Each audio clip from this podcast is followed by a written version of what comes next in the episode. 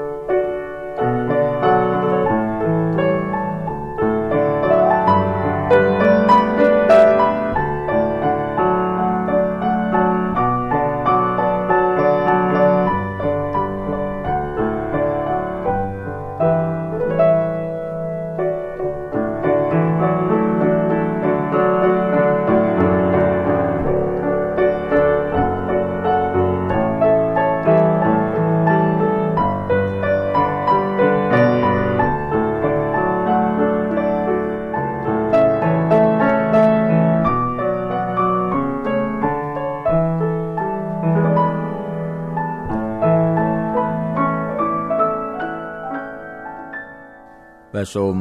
គោរពស្វាគមន៍បងប្អូនទាំងអស់គ្នាសួស្តីថ្ងៃសបាថ្ងៃនេះយើងនាំគ្នា ពិចារណាមើលទៅលើព្រះបន្ទូលរបស់ព្រះអង្គនៅក្នុងព្រះគម្ពីរម៉ាថាយជំពូក5ខ23បងប្អូនពីកម្មវិធីមុនខ្ញុំបានលើកមកអធិប្បាយមួយវគ្គនៅក្នុងគម្ពីរម៉ាថាយជំពូក5ខ17ដល់20ដែលជាសេចក្តីបង្រៀនរបស់ព្រះយេស៊ូវតាក់ទងទៅនឹងក្រាច់វិន័យ10ប្រការ ព្រះយេស៊ូវបន្ទាប់ពីព្រះអង្គទ្រង់បានងាកទៅជាអ្នកកំពូលបណ្ដាច់ហើយព្រះអង្គទ្រង់ចាប់ប្រកាស អំពីព្រះនគរណាអំពីការត្រាស់ហៅឲ្យពួកគេ បានវិលត្រឡប់ប្រែចិត្តហើយវិលត្រឡប់មកឯព្រះអង្គវិញ ពាក្យថាប្រែចិត្តនេះបានស្ដីថាឲ្យវិលត្រឡប់ មកថ្វាយបង្គំព្រះដ៏ជាព្រះអធិការបន្ទាប់មកព្រះអង្គទ្រង់មានព្រះបន្ទូលថាចូលមកតាមខ្ញុំ ចូលមកតាមខ្ញុំនឹងហើយដែលយើងមើលឃើញថានៅក្នុងពេលដែលអ្នកដែលជឿព្រះដើរតាមព្រះអង្គសង្គ្រោះរបស់ខ្លួន គឺព្រះយេស៊ូវទៅនឹងហើយបានជាកើតពាក្យមួយគេហៅថាគ្រីស្ទៀនគ្រីស្ទៀននឹងគឺជាពាក្យមួយคล้ายមកអំពីពាក្យថាក្រៃតែប្រែថាព្រះគ្រីស្ទហើយជាគុណនាមគឺដាក់ ជាមួយ IAN ទៀតជាភាសាអង់គ្លេសទៅជា Christian តែ Christian នឹងជាគុណនាមផងហើយបើទៅជានាម គឺជាអ្នកដែលដើរតាមព្រះយេស៊ូវដើរតាមការត្រាស់ហៅរបស់ព្រះអង្គព្រះអង្គត្រាស់ហៅទៅចូលឲ្យណែចូលមកតាមខ្ញុំខ្ញុំនឹងតាំងអ្នកឲ្យធ្វើជាអ្នកនេសាទមនុស្សវិញព្រះអង្គទ្រង់ត្រាស់ហៅមុនគេគឺហៅពួកអ្នកនេសាទត្រីព្រះអង្គថាជប់នេសាទត្រីទៅមកនេសាទមនុស្សជាមួយខ្ញុំវិញ បានស្ដីថាម៉េចបានន័យថាមកប្រមូលមកអញ្ជើញបងប្អូនទាំងអស់គ្នាអ្នកណាមួយដែលព្រះបានត្រាស់ហៅឲ្យដើរតាមព្រះអង្គគឺនឹងប្រើនៅវិធីសាស្ត្រហើយនៅចិត្តគំនិតនៅគោលបំណងដូចគ្នាគឺថាយើងនឹងប្រកាសប្រាប់គេថាជួយប្រែចិត្តប្រែចិត្តចុះត្បិតនគរឋានសួគ៌ចិត្តដល់ហើយដូច្នេះសំណួរដែលខ្ញុំបានរំលឹកជូនបងប្អូនមកគឺគឺយ៉ាងដូចម្ដេចគឺថាយើងដណ្ដឹងសួរខ្លួនយើង ថាខ្ញុំប្រកាសจะដើរតាមព្រះយេស៊ូវដែរឬទេ ព្រះអង្គទ្រង់បានត្រាស់ហៅឲ្យយើងដើរតាមព្រះអង្គគឺនៅក្នុងផ្លូវសេចក្តីសុចរិតនៅក្នុងសេចក្តីជំនឿរបស់យើងហើយព្រះអង្គបងប្អូនលោកអ្នកកុំភ្លេចឲ្យសោះថាព្រះយេស៊ូវបានយាងមកផែនដីនេះគឺបំពេញនៅព្រះរាជកិច្ចនៃព្រះវរបិតានគរឋានសួគ៌គឺដើម្បីនឹងនាំយកសេចក្តីសង្គ្រោះប៉ុន្តែសេចក្តីសង្គ្រោះនេះបានដោយសារតែការមួយគឺមនុស្សត្រូវតែលះបង់ចោលអំពើបាបរបស់ខ្លួនដូច្នេះបានជា ព្រះយេស៊ូវនាមព្រះយេស៊ូវបានន័យថាជាព្រះ ដែលយាងមកដើម្បីនឹងលុះបាបដល់រាជរបស់ផងទ្រង់រាជរបស់ផងទ្រង់នៅគម្ពីរដំណឹងល្អយ៉ូហានដំណឹងល្អចំពុក1ចាប់ផ្ដើមថាព្រះអង្គទ្រង់យាងមកផែនដីនេះគឺមនុស្សទាំងអស់បានកើតយុសាទ្រង់មនុស្សទាំងអស់លើពិភពលោកនេះ គឺជារបស់ផងទ្រង់ជារាជរបស់ព្រះក៏ប៉ុន្តែអ្នកណាមួយដែលទទួលស្វាគមន៍ព្រះអង្គហើយទទួល ជឿជឿដល់ព្រះអង្គថាជាព្រះអង្គសង្គ្រោះអ្នកនោះនឹងទទួលអំណាចពិសេសត្រឡប់ទៅជាកូនព្រះគឺមិនមែនជាកូនដែលកើតខាងសាច់ឈាមនេះគឺជាកូនដែលកើតដោយសារព្រះវិញ្ញាណបរិសុទ្ធដូច្នេះសំខាន់ផុតខ្ញុំសូមអញ្ជើញបងប្អូនទាំងអស់គ្នានាំគ្នាពិចារណាមើលឡើងវិញអំពីខ្លឹមសារនៃពាក្យខ្លះដូចជាសេចក្តីសង្គ្រោះសេចក្តីសង្គ្រោះនេះគឺសំខាន់ណាស់ព្រះយេស៊ូវដែលយាងមកផែនដីដើម្បីនឹងសង្គ្រោះរាជទ្រង់ឲ្យរួចពីបាប កាលណាមនុស្សរួចពីបាប គឺគេ បានត្រឡប់ទៅជាមនុស្សសុចរិតហើយគេនឹងបានទៅជាមនុស្សរបស់ព្រះ ហើយគេនឹងបានត្រូវព្រះទទួលយកទៅនៅនគរឋានសួគ៌ហើយគេនឹងបានរស់នៅ ជាជីវិតមួយអមតភាពនេះខ្ញុំជំរាបជូនបងប្អូនថាសេចក្តីសង្គ្រោះចឹងគឺថាការដែលទទួលស្គាល់ព្រះអង្គសង្គ្រោះដែលយាងមកលុះបាប ហើយព្រះអង្គមានផែនការនឹងនាំយើងទៅនៅនគរឋានសួគ៌ជាមួយព្រះអង្គ ហើយយើងទាំងអស់គ្នាបើតាមព្រះគម្ពីរសន្យាគឺមិនទាន់មាននរណាមួយទទួលមកឡើយទេប៉ុន្តែបើតាមព្រះគម្ពីរសន្យា ថាអ្នកដែលសុចរិតអ្នកដែលទទួលព្រះយេស៊ូវជាព្រះអង្គសង្គ្រោះអ្នកនោះនឹងបានទទួលជីវិតអស់កលជានិច្ចសពថ្ងៃនេះយើងបាត់បង់ជីវិតហើយបងប្អូនដោយសារអំពើបាបឪពុកម្ដាយដើមបានធ្វើបាបចុងបញ្ចប់ត្រូវព្រះបណ្ដេញគេចេញពីសួនច្បារ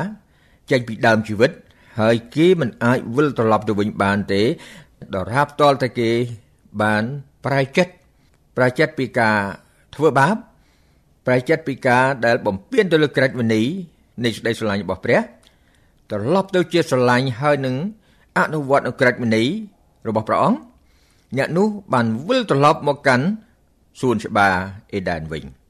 នៅក្នុងព្រះគម្ពីរវិវរណៈចំពុក22ខ14សម្ដែងប្រាប់ថាអ្នកនោះនឹងបានទទួលសិទ្ធិពិសេសចូលទៅកាន់ទីក្រុង គឺទីក្រុងបរិសុទ្ធទីក្រុងបរិសុទ្ធគឺជានិមិត្តរូបនៃនគរឋានសួគ៌ដូច្នេះហើយបានជានៅក្នុងការអធិប្បាយមុននោះគឺបញ្ចប់នៅក្នុងម៉ាថាយពុ5ខ20ថាខ្ញុំប្រាប់អ្នករាល់គ្នាថាបើសេចក្តីសុចរិតរបស់អ្នករាល់គ្នាមិនលើសពីសេចក្តីសុចរិត នៃពួកអាចារ្យនិងពួកហ្វារីស៊ីទេនោះអ្នករាល់គ្នានឹងចូលទៅក្នុងនគរឋានសួគ៌ពុំបានឡើយនេះគឺថាបន្ទាប់ពីព្រះអង្គទ្រង់បានសម្ដែងប្រាប់អំពីសារៈសំខាន់នៃក្រឹតវិន័យ10ប្រការរបស់ព្រះអង្គដែលរាជរបស់ផងទ្រង់ត្រូវតែអនុវត្តហើយកុំអោយគិតស្មានថាព្រះយេស៊ូវលើកចោលព្រះអង្គបញ្ជាក់ច្បាស់ណាស់ថាកន្លែងនេះថាកបៀសមួយបាត់មិនបានបាំងឈើមួយបាត់មិនបាន ហើយនៅក្នុងក្រឹតវិន័យណាមួយដែលមើលទៅដូចជាតូចជាងគេពីព្រោះនៅក្នុងក្រឹតវិន័យដូចជាទី6 thou shall not kill កុំឲ្យសម្លាប់នោះសោះគេថាមានតែពីរបីម៉ាត់ទេសំបីនៅក្នុងប្រការណាមួយដែលតូចក៏ដោយគឺมันអាចនឹងនរណាម្នាក់បំពេញបានទេ ហើយសំបីក្បៀសមួយក៏បាត់មិនបានបាំងឈើមួយបាត់មិនបានកន្លែងហ្នឹងដែលខ្ញុំប្រាប់បងប្អូនថាក្រែតមនីដល់ប្រការគឺជាលក្ខណៈវិនិច្ឆ័យ សម្រាប់នគរឋានសួគ៌ចឹងបានថាបន្ទាប់ពីព្រះអង្គទ្រង់បានបង្ប្រកាសផ្សាយដំណឹងហើយពេលនោះព្រះអង្គពួកទ្រង់បានបញ្ជាក់ប្រាប់ច្បាស់ណាស់ពីព្រោះព្រះគឺទ្រង់មានលក្ខណៈ3យ៉ាងសូមបងប្អូនកុំភ្លេចកាលណាយើងនិយាយអំពីព្រះយើងនិយាយអំពីព្រះបន្ទូលរបស់ព្រះ គឺបងប្អូនត្រូវចងចាំថាព្រះយេស៊ូវដែលព្រះអង្គគឺជាព្រះអធិការដែលបង្កើតបបសពសារពើព្រះអង្គជាព្រះអង្គសង្គ្រោះហើយព្រះអង្គជាព្រះដែលនឹងត្រូវយាងត្រឡប់មកទទួលរាជទ្រង់ ឲ្យបានទទួលមកុដជីវិតគឺជីវិតអមតភាពនោះគឺព្រះអង្គមានលក្ខណៈ3យ៉ាងគឺសពជាស្ដាគឺព្រះអង្គបង្កើតរបស់សពសារពើសពញ្ញូញៀនដែលទ្រង់បានឆ្វេងយល់ពីអតីតកាលដូចជាបច្ចុប្បន្នដូចជាអនាគតកាលហើយនឹងនៃសពទិសទីបាននៃព្រះអង្គទ្រង់នៅគង់នៅសពទិសទីជាមួយនឹងយើងរាល់គ្នាចឹងបានព្រះអង្គទ្រង់ពេលដែលទ្រង់មានព្រះបន្ទូលគឺទ្រង់បានមើលឃើញទៅដល់ចុងបំផុតដល់ចុងបំផុតសំបីនៅក្នុងសពថ្ងៃនេះបងប្អូនលោកអ្នក បើយើងក្រឡេកមើលទៅនៅក្នុងនៃពិភពគ្រីស្ទានយើងក៏យើងឃើញថាព្រះបន្ទូលនេះគឺល្អមែនទែនគឺត្រូវមែនទែនគឺពិតជាព្រះបន្ទូលនេះបើសិនបើបងប្អូនសួនភ្ងាជាអ្នកគ្រីស្ទានបានមើលហើយយើងពិចារណាយើងដោយអធិដ្ឋានយើងគិតថានេះជាព្រះបន្ទូលដែលព្រះយេស៊ូវបានមើលឃើញថានឹងត្រូវកើតឡើងនឹងត្រូវសម្រេចហើយនឹងជាដំណឹងល្អដ៏សំខាន់សម្រាប់មនុស្សនៅក្នុងសម័យយើងនេះ ពីព្រោះមនុស្សសពថ្ងៃនេះគេថាមានស្ដីបង្រៀនច្រើនណាស់ស្ដីបង្រៀនថាក្រិតមនីមិនសំខាន់ក្រិតមនីនៃវាមានក្រិតមនីចាស់មានក្រិតមនីថ្មីអឺក្រិតមនីហើយនឹងថ្ងៃសបាសនឹងសម្រាប់ទៅពួកសាសយូដាអញ្ចឹងគឺថាមានច្រើនណាស់សេចក្តីបង្រៀនក៏ប៉ុន្តែ សំណួរមួយដែលសួរថាតើយើង បានធ្វើអ្វីទាំងអស់នៅក្នុងចំណុចសំខាន់សំខាន់នៃជំនឿរបស់យើងណាដូចជា ពិធីបុណ្យជ្រមុជទឹកដូចជាការថ្វាយបង្គំព្រះដែលសំខាន់ជាងគេនោះជាពិសេសការថ្វាយបង្គំព្រះតើយើងធ្វើដូចជាព្រះយេស៊ូវដែរឬទេតើយើងធ្វើដូចជាព្រះយេស៊ូវជាព្រះអង្គសង្គ្រោះដែលទ្រង់ត្រាស់ហៅយើងថាចូលឲ្យដើរតាមខ្ញុំចូលមកតាមខ្ញុំនោះណាតើយើងយើងធ្វើបានដូចជាព្រះអង្គដែរឬទេ ដូច្នេះបានជាខ្ញុំសូមអញ្ជើញបងប្អូនទាំងអស់គ្នាពិចារណាមើលនៅបទទូព្រះអង្គឥឡូវយើងនាំគ្នាឆ្ពោះទៅមើលឯខគម្ពីរនៅគម្ពីរម៉ាថាយចំពុក5ខ23ដូច្នេះបើកាលណាអ្នកនាំយកដង្វាយមកដល់អាសនា ហើយនៅទីនោះអ្នកនឹកឃើញថាបងប្អូនណា មានហេតុអ្វីទាស់នឹងអ្នកនោះត្រូវទុកដង្វាយរបស់អ្នកនៅមុខអាសនាហើយទៅរកជានឹងបងប្អូនជាមុនសិនរួចសឹមមកថ្វាយដង្វាយ អ្នកចុះព្រះយេស៊ូវបានមានព្រះបន្ទូល នៅក្នុងជំពូក5នេះចាប់ផ្ដើមឡើងដោយប្រពោះ8ប្រការឬការគេហៅការអធិប្បាយដ៏វែងរបស់ព្រះយេស៊ូវនៅលើភ្នំ ជាក្រុមសិលធម៌ដែលព្រះអង្គបានអធិប្បាយដើម្បីនឹងបញ្យលប្រាប់អំពី អ្នកដែលនឹងត្រូវទទួលភារៈជាអ្នកនាំព្រះបន្ទូលរបស់ព្រះអង្គនិងអ្នកដែលត្រូវជឿ អំពីសារនៃព្រះនគរដូច្នេះយើងឃើញថាព្រះអង្គទ្រង់មានព្រះបន្ទូលនេះហាក់ដូចជាតាមលំដាប់លំដោយដែរពីព្រោះថាយើងមើលឃើញបន្ទាប់ពីព្រះអង្គបានមានបន្ទូលជាប្រពោះទាំង8ប្រការហើយព្រះអង្គទ្រង់បានត្រាស់ហៅពួកសិស្សរបស់ព្រះអង្គអ្នកដែលដើរតាមព្រះអង្គឲ្យគេធ្វើជាអំបិលនៃផែនដីឲ្យគេធ្វើជាពន្លឺនៃលោកីរួចហើយព្រះអង្គទ្រង់បានបញ្ជាក់ច្បាស់ណាស់ថា អ្នកដែលជឿព្រះអង្គអ្នកដែលបម្រើការរបស់ព្រះអង្គ គឺឲ្យគេយល់ឲ្យច្បាស់ថាក្រឹតវិន័យ10ប្រការ គឺមានលក្ខណៈសំខាន់ណាស់គឺជាលក្ខណៈវិនិច្ឆ័យសម្រាប់នគរឋានសួគ៌បន្ទាប់ពីនឹងមកព្រះអង្គទ្រង់មានព្រះបន្ទូលប្រាប់អំពីរំលឹកអំពីក្រឹតវិន័យ10ប្រការហ្នឹងគឺថាលើកមកមកប្រការពីរដែលនៅក្នុងពេលនោះគឺថាទ្រង់ទួតឃើញថាសំខាន់ត្រូវរំលឹកប្រាប់គេពីព្រោះថាអីពីព្រោះថានៅក្នុងសម័យព្រះយេស៊ូវក៏ដូចនៅក្នុងសម័យសពថ្ងៃគឺថា មនុស្សនៅក្នុងអ្នកដែលជឿព្រះ មានអ្នកអធិប្បាយមួយគាត់និយាយថា នៅក្នុងពិភពគ្រីស្ទានយើងនៅលើពិភពលោកនេះគឺថាមានអ្នកគ្រីស្ទានដែលស្អប់គ្នាច្រើន ជាងអ្នកគ្រីស្ទានដែលស្រឡាញ់គ្នា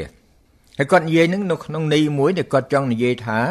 មនុស្សបានបែរទៅជាខ្មាំងសត្រូវនឹងគ្នា បានបែរទៅជាវិវាទនឹងគ្នាសូម្បីអ្នកដែលធ្លាប់ស្រឡាញ់រាប់អានគ្នា ពេលណាដែលចូលទៅក្នុងក្រុមជំនុំផ្សេងផ្សេងគ្នាក៏ចាប់តាំងនាំគ្នា ប្រកាន់ក្រុមរៀងខ្លួនហើយក៏តាំងយកការនោះធ្វើជាបង្អែកមួយហើយក៏នាំគ្នាចាប់ផ្ដើមវាយផ្លូវវាយនៅមុខវាយមាត់ចឹងទៅហើយក៏ចាប់ផ្ដើមមានការវិវាទហើយទៅជាអមិត្តនឹងគ្នា បន្ទាប់ពីមានព្រះបន្ទូលហើយព្រះអង្គទ្រង់បញ្ជាក់ប្រាប់ថាក្នុងខ21ថាកុំអោយសម្លាប់មនុស្សសោះនេះគឺជាការរំលឹកមួយនៅក្នុងក្រឹតនេះ10ប្រការបងប្អូនដឹងហើយថាក្រឹតនេះទី5គឺអោយគោរពប្រណិប័តដល់មេដាបៃតាក្រឹតនេះទី6ហាមកុំអោយសម្លាប់មនុស្សសោះហេតុអីបានជាព្រះអង្គទ្រង់លើកមកការនេះពីព្រោះថានៅក្នុងសម័យនោះអ្នកណាមួយដែលនិយាយផ្ទុយអំពីជំនឿរបស់គេបើកាលណាគេមានឱកាសគេមានអំណាចនៅដៃទៀត គឺគេអាចធ្វើការនេះបានដូច្នេះបានជាព្រះអង្គទ្រង់ឆ្វេងយល់ព្រះអង្គហាមរំលឹកថាមើលក្រាច់វិន័យ10ប្រការនៅក្នុងក្រាច់វិន័យទី6មិនអោយអ្នកណាមួយណាសម្រាប់មនុស្សទេបាទដូច្នេះយើងឃើញថាព្រះអង្គក៏ចាប់ផ្ដើមនៅក្នុងខបន្តទៀតនឹងបញ្ជាក់ប្រាប់ថាកុំអោយទាំងណែខឹងបងប្អូនហើយកុំអោយនឹងហៅនរណាមួយដោយពាក្យ ណែប្រមាថដែលថាចោលមសៀតអីឡើយគឺថាគឺការទាំងអស់នោះព្រះអង្គទ្រង់ចាប់ផ្ដើមព្យាបាលទៅដល់ឫសគល់នៃបញ្ហានោះបាទរួចហើយបានជាព្រះអង្គមានព្រះបន្ទូលប្រាប់ថាបើណែដូច្នេះបើកាលណាអ្នកនាំយកដង្វាយមកដល់អាសនា ហើយនៅទីនោះអ្នកនឹកឃើញថា បងប្អូនណាមានហេតុអ្វីទាស់នឹងអ្នកបងប្អូនទាំងអស់គ្នាឃើញទេ នេះគឺព្រះអង្គមានព្រះបន្ទូលទៅកាន់នរណា ទៅកាន់ពួកកូនចៅអ៊ីស្រាអែលទៅកាន់សាសយូដា ទៅកាន់យើងសពថ្ងៃជាអ្នកគ្រីស្ទៀនក្រែងលោយើងស្រឡាញ់ព្រះណាស់ក៏ប៉ុន្តែយើងបានបំពេញទៅលើក្រឹតវិន័យ10ប្រការរបស់ព្រះអង្គហើយយើងបានធ្វើអ្វីខុសជាមួយនឹងបងប្អូនយើង ពេលណាយើងមើលឃើញគណៈឃើញក្រុមរបស់យើងខ្លាំងពេកយើងក៏ភ្លេចគិតអំពីក្រឹតវិន័យរបស់ព្រះអង្គហើយយើងខំទៅការពារគោលលទ្ធិរបស់យើង យើងប្រែទៅជាខឹងស្អប់នេះគឺថាជាចំណុចចាប់ផ្ដើមនៅក្នុងការបំពេញទៅលើក្រឹតវិន័យណាបងប្អូនទាំងអស់គ្នាគិតថាអញ្ចឹងណែបើស្អប់នឹងណែបាបដែរថាស្អប់បាបណែហើយស្អប់នឹងខុសក្រឹតវិន័យដែរថាស្អប់ខុស ពីព្រោះនៅក្នុងនេះព្រះយេស៊ូវមានព្រះបន្ទូលអំពីការដែលសម្លាប់មនុស្សនោះគឺគឺចាប់ផ្ដើមចំណុចដំបូងផុតគឺការស្អប់ការខឹងហើយនឹងការប្រមាថមើលងាយគ្នាអានោះហើយគឺជាចំណុចចាប់ផ្ដើមដូច្នេះបើកាលណា អ្នកណាដែលជឿព្រះសូម្បីក្នុងក្រុមជំនុំជាមួយគ្នាក៏ដោយក្រុមជំនុំនៃជាអ្នកដែលជឿព្រះនាមព្រះយេស៊ូវក៏ដោយគឺត្រូវស្រឡាញ់គ្នាបានជាព្រះអង្គមានទូលថាបើអ្នករាល់គ្នាស្រឡាញ់ខ្ញុំនោះអ្នករាល់គ្នាជាសិស្សរបស់ខ្ញុំមែន នេះខ្ញុំសូមប្រកាសជូនបងប្អូនយើងថាយើងអ្នកដែលដើរតាមព្រះយេស៊ូវត្រូវស្រឡាញ់គ្នាឲ្យអស់ចិត្តបើសិនជាយើងមានអ្វីមួយនៅក្នុងចិត្តណាបើយើងចងអ្វីមួយនៅក្នុងចិត្តរបស់យើងយើងស្រាយវាវិញទៅបើសិនជាយើងមានគំនុំនឹងគ្នាយើងត្រូវស្រាយវិញពីព្រោះបើពុំដូច្នោះទេ ព្រះមិនសពប្រតិទេព្រះអង្គមានព្រះបន្ទូលថាបើកាលណាអ្នកនាំយកដង្វាយមកដល់អាសនា ហើយនៅទីនោះអ្នកនឹកឃើញថាបងប្អូនណាមានហេតុអ្វីទាស់នឹងអ្នកនោះត្រូវទុកដង្វាយរបស់អ្នកនៅមុខអាសនាហើយទៅរកជានឹងបងប្អូនជាមុនសិនរួចសំមកថ្វាយដង្វាយអ្នកចុះបងប្អូនទាំងអស់នេះស្ដាប់តន់ឡើយនៃនឹងទេបានដីថាបើអ្នកទៅទាំងកំហឹងអ្នកទៅទាំងមិនស្រាយកំហឹងរបស់យើងចេញ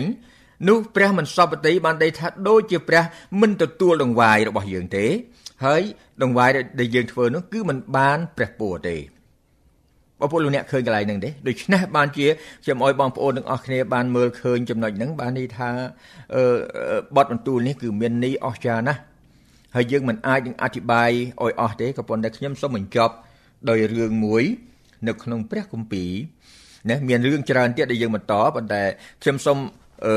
អញ្ជើញបងប្អូនមើលទៅឯព្រះគម្ពីរលោកកបាត់ទៅជំពូក4យើងមើលរឿងបញ្ចប់មួយ ដែលតាក់ទងទៅនឹងដង្វាយថ្វាយទៅព្រះនេះមានមុនគេបង្អស់នៅក្នុងព្រះគម្ពីរដែលជាបញ្ហា ដែលយើងទាំងអស់គ្នាត្រូវត្រូវតែពិចារណាមើលឡើងវិញនៅក្នុងបទបន្ទូលនេះគម្ពីរលោកកបាតចំពុក4ខ3 កន្លងក្រោយមកកាអ៊ីនបានយកផលដែលកើតពីដី មកថ្វាយជាដង្វាយដល់ព្រះយេហូវ៉ាហើយអេបិលក៏ធ្វើដូចគ្នាគាត់យកកូនជាដំបងពីមួយពីវងសัตว์មកថ្វាយព្រមទាំងខ្លាញ់វាផង រួចព្រះយេហូវ៉ាទ្រង់សពហតិចំពោះអេបិលនិងដង្វាយរបស់គាត់តែមិនបានសពតិចំពោះដង្វាយរបស់កាអ៊ីនទេ នោះកាអ៊ីនក៏ក្តៅក្រហាយហើយឡើងទឹកមុខក្រញូវ ព្រះយេហូវ៉ាទ្រង់មានបន្ទូលសួរកាអ៊ីនថាឯងខឹងធ្វើអ្វីហេតុអ្វីបានជាឯងធ្វើទឹកមុខក្រញូវដូច្នេះបើឯងធ្វើល្អតើមិនបានទឹកមុខរីករាយវិញទេឬអីបើឯងធ្វើមិនល្អនោះមាននឹងវាយលួសបាបដេកនៅមាត់ទ្វារស្រាប់ហើយចិត្តវានឹងបណ្ដោយតាមឯងហើយឯងមានអំណាចលើវាដែរបងប្អូនទាំងអស់គ្នាយើងមើលឃើញកន្លែងនេះគឺ ខ្ញុំចង់ឲ្យបងប្អូនពិចារណាមើលថាខ្ញុំនឹងបន្តនៅក្នុងការអធិប្បាយភាគក្រោយទៀតពីព្រោះថានេះគឺដល់ពេលយើងបញ្ចប់កម្មវិធីហើយខ្ញុំក៏នឹងលើកមកកន្លែងនឹងបង្ហាញប្រាប់បងប្អូនថា នេះគឺជាប្រភេទដង្វាយពីរយ៉ាងដង្វាយពីរយ៉ាងនេះគឺថាអឺជាដង្វាយដែលបញ្ជាក់ប្រាប់អំពីសេចក្តីសង្គ្រោះដែលចង្អុលទៅសេចក្តីសង្គ្រោះហេតុអ្វីបានជាព្រះសពតិនិងដង្វាយរបស់អេបិល លើសជាងដង្វាយរបស់កាអ៊ីននេះបានសេចក្តីថានៅក្នុងនេះបើយើងមើលមែនទៀតគឺមិនមែនបានន័យថាព្រះអង្គទ្រង់បដិសេធផងគឺទ្រង់គ្រាន់តែបង្ហាញ បង្ហាញប្រាប់ថាដង្វាយមួយ ដែលព្រះអង្គទ្រង់ចង់ឲ្យពួកយើងទាំងអស់គ្នា បានមើលហើយបានពិចារណាហើយបានអនុវត្តគឺនៅក្នុងនេះយើងមើលឃើញអឺកាអ៊ីនបានយកផលដំណាំរបស់គាត់ផលដំណាំរបស់គាត់យកមកថ្វាយព្រះ ផលដែលដែលកើតពីដីមកមកថ្វាយដល់ព្រះ នៅក្នុងពេលនោះគឺមនុស្សបានធ្លាក់ចុះទៅក្នុងអំពើបាបព្រះអង្គទ្រង់បានមានផែនការសង្គ្រោះដូច្នេះពេលនោះព្រះអង្គទ្រង់ចង់ចង្អុលបង្ហាញប្រាប់ដល់អេបិលនិងកាអ៊ីនឹងប្រាប់ថាដង្វាយមួយដែលព្រះអង្គសពតិជាងហើយបងប្អូនទាំងអស់គ្នាមើលឡើងវិញកន្លែងហ្នឹងថាយកកូនមួយពីវងសัตว์មកថ្វាយព្រមទាំងខ្លាញ់វាផងធ្វើម៉េចឲ្យបានខ្លាញ់បងប្អូន នេះគឺជាការដែលរៀបចំធ្វើជាដង្វាយយ៉ាញ់បូជាថ្វាយទៅព្រះហើយការនេះគឺចង្អុលបង្ហាញទៅឯព្រះយេស៊ូវដែលជាព្រះអង្គសង្គ្រោះ ដែលទ្រង់ត្រូវយាងមកដើម្បីលុះបាបហើយបងប្អូនទាំងអស់នេះគិតមើលតាំងពីសម័យនឹងមករហូតមកដល់សម័យនៃព្រះយេស៊ូវបានចាប់កំណើតយន់យកសរសៃឈាមលើផែនដីនេះគឺថាមានរយៈពេលយូរណាស់ប្រហែលជាបងប្អូនទាំងអស់នេះគិតមើលថាពីលោកកបាត់មកមានអ្នកប្រាជ្ញព្រះគម្ពីរខ្លះគាត់និយាយថារហូតដល់ទៅ4000ឆ្នាំនោះ ការនោះសម្រេចនៅពេលមួយដែលព្រះយេស៊ូវបានយាងមកហើយទ្រង់ត្រូវសគត់នៅលើឈើឆ្កាងនេះចង្អុលបង្ហាញប្រាប់ថាសក្តីសង្គ្រោះដែលយើងពឹងអាងទៅលើព្រះគុណរបស់ព្រះរីឯដង្វាយរបស់កាអ៊ីនគឺគាត់យកពីផលស្រែចម្ការផលដំណាំរបស់គាត់ដែលកើតពីដីមក នោះគឺនៅក្នុងនេះនោះគឺចង្អុលបង្ហាញប្រាប់ថាសេចក្តីសង្គ្រោះដែលខំប្រឹងប្រែងនៅខ្លួនឯងហើយមួយទៀតគឺចង្អុលបង្ហាញទៅឲ្យសេចក្តីសង្គ្រោះដែលពឹងទៅលើព្រះយេស៊ូវដែលជាព្រះអង្គគឺជាកូនជាមនៃយ៉ាញ់បូជាព្រះយេស៊ូវដែលជាព្រះអង្គសង្គ្រោះគឺជាប្រគុណរបស់ព្រះអង្គការដែលថ្វាយព្រះនោះគឺដង្វាយថ្វាយព្រះគឺសំខាន់យ៉ាងដូចនេះ ហើយបើយើងវិលត្រឡប់មកវិលមើលនៅក្នុងព្រះគម្ពីរម៉ាថាយពុ5ខ23វិញយើងឃើញថាព្រះអង្គសពតិចង់ឲ្យយើងបានថ្វាយដង្វាយមួយដែលយើងជាអ្នកដែលស្រឡាញ់ព្រះហើយជាអ្នកធ្វើតាមហត្ថលេខរបស់ព្រះ ហើយយើងត្រូវតែស្រឡាញ់ដល់គ្នាទៅវិញទៅមកផងដែរបងប្អូនហើយនៅក្នុងបទបន្ទូលថ្ងៃនេះប្រសិនបើបងប្អូនណា មានអ្វីដែលព្រះបន្ទូលនេះ បានរំលឹកដាស់តឿនយើងឲ្យយើងបានវិលត្រឡប់មកចុះសម្រងជាមួយនឹងព្រះអង្គម្ចាស់របស់យើងដើម្បីយើងបានទទួលប្រពោដ៏ពោពេញសូមបងប្អូនទាំងអស់គ្នាកុំអោយខ្មាស់អៀននឹងដំណឹងល្អសូមកុំអោយបងប្អូនទាំងអស់គ្នាខ្មាស់អៀនចំពោះព្រះអង្គសូមយើងចូលមកដល់អាសនៈរបស់ព្រះអង្គណានៅពេលដែលយើងអធិដ្ឋានទៅព្រះយើងអាចអធិដ្ឋានជាពាក្យសាមញ្ញថាព្រះយេស៊ូវជាព្រះអង្គម្ចាស់នៃទូមគុំទូមគុំ សូមលន់តួចំពោះព្រះអង្គដែលទូមគុំមានកំហុសជាមួយនឹងបងប្អូនរបស់ទូមគុំទូមគុំនឹងរៀបរាប់ឈ្មោះនេះនៅក្នុងចិត្តរបស់ទូមគុំហហើយម្យ៉ាងទៀតប្រសិនបើទូមគុំមានហេតុអ្វីទាស់ជាមួយបងប្អូនទូមគុំដែលទូមគុំមិនបានដឹងក៏សូមព្រះជាម្ចាស់អត់អន់ទោសឲ្យទូបង្គំជាបរិបូរតែទូមគុំសូមថ្វាយស្រីល្អហើយទូមគុំសូមចុះចូលនិងថ្វាយជីវិតរបស់ទូមគុំទាំងស្រុងដាច់ដល់ព្រះអង្គ ទូមគុំសូមអធិដ្ឋានដោយនៅព្រះនាមព្រះអង្គចាស់ព្រះយេស៊ូវគ្រីស្ទអាមែន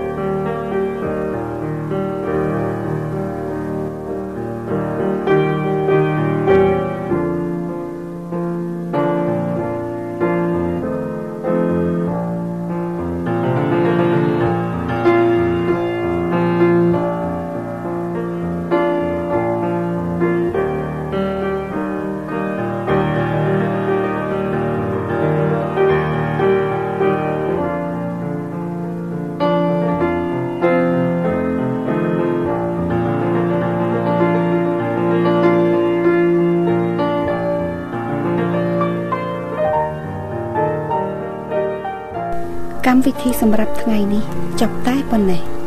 វិទ្យុយើងសូមថ្លែងអំណរគុណជាអតិបរមា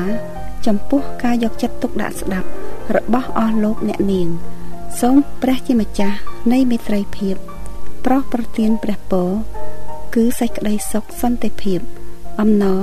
និងសុភមង្គលជានិច្ចនិរន្តរ៍រៀងទៅសួស្តី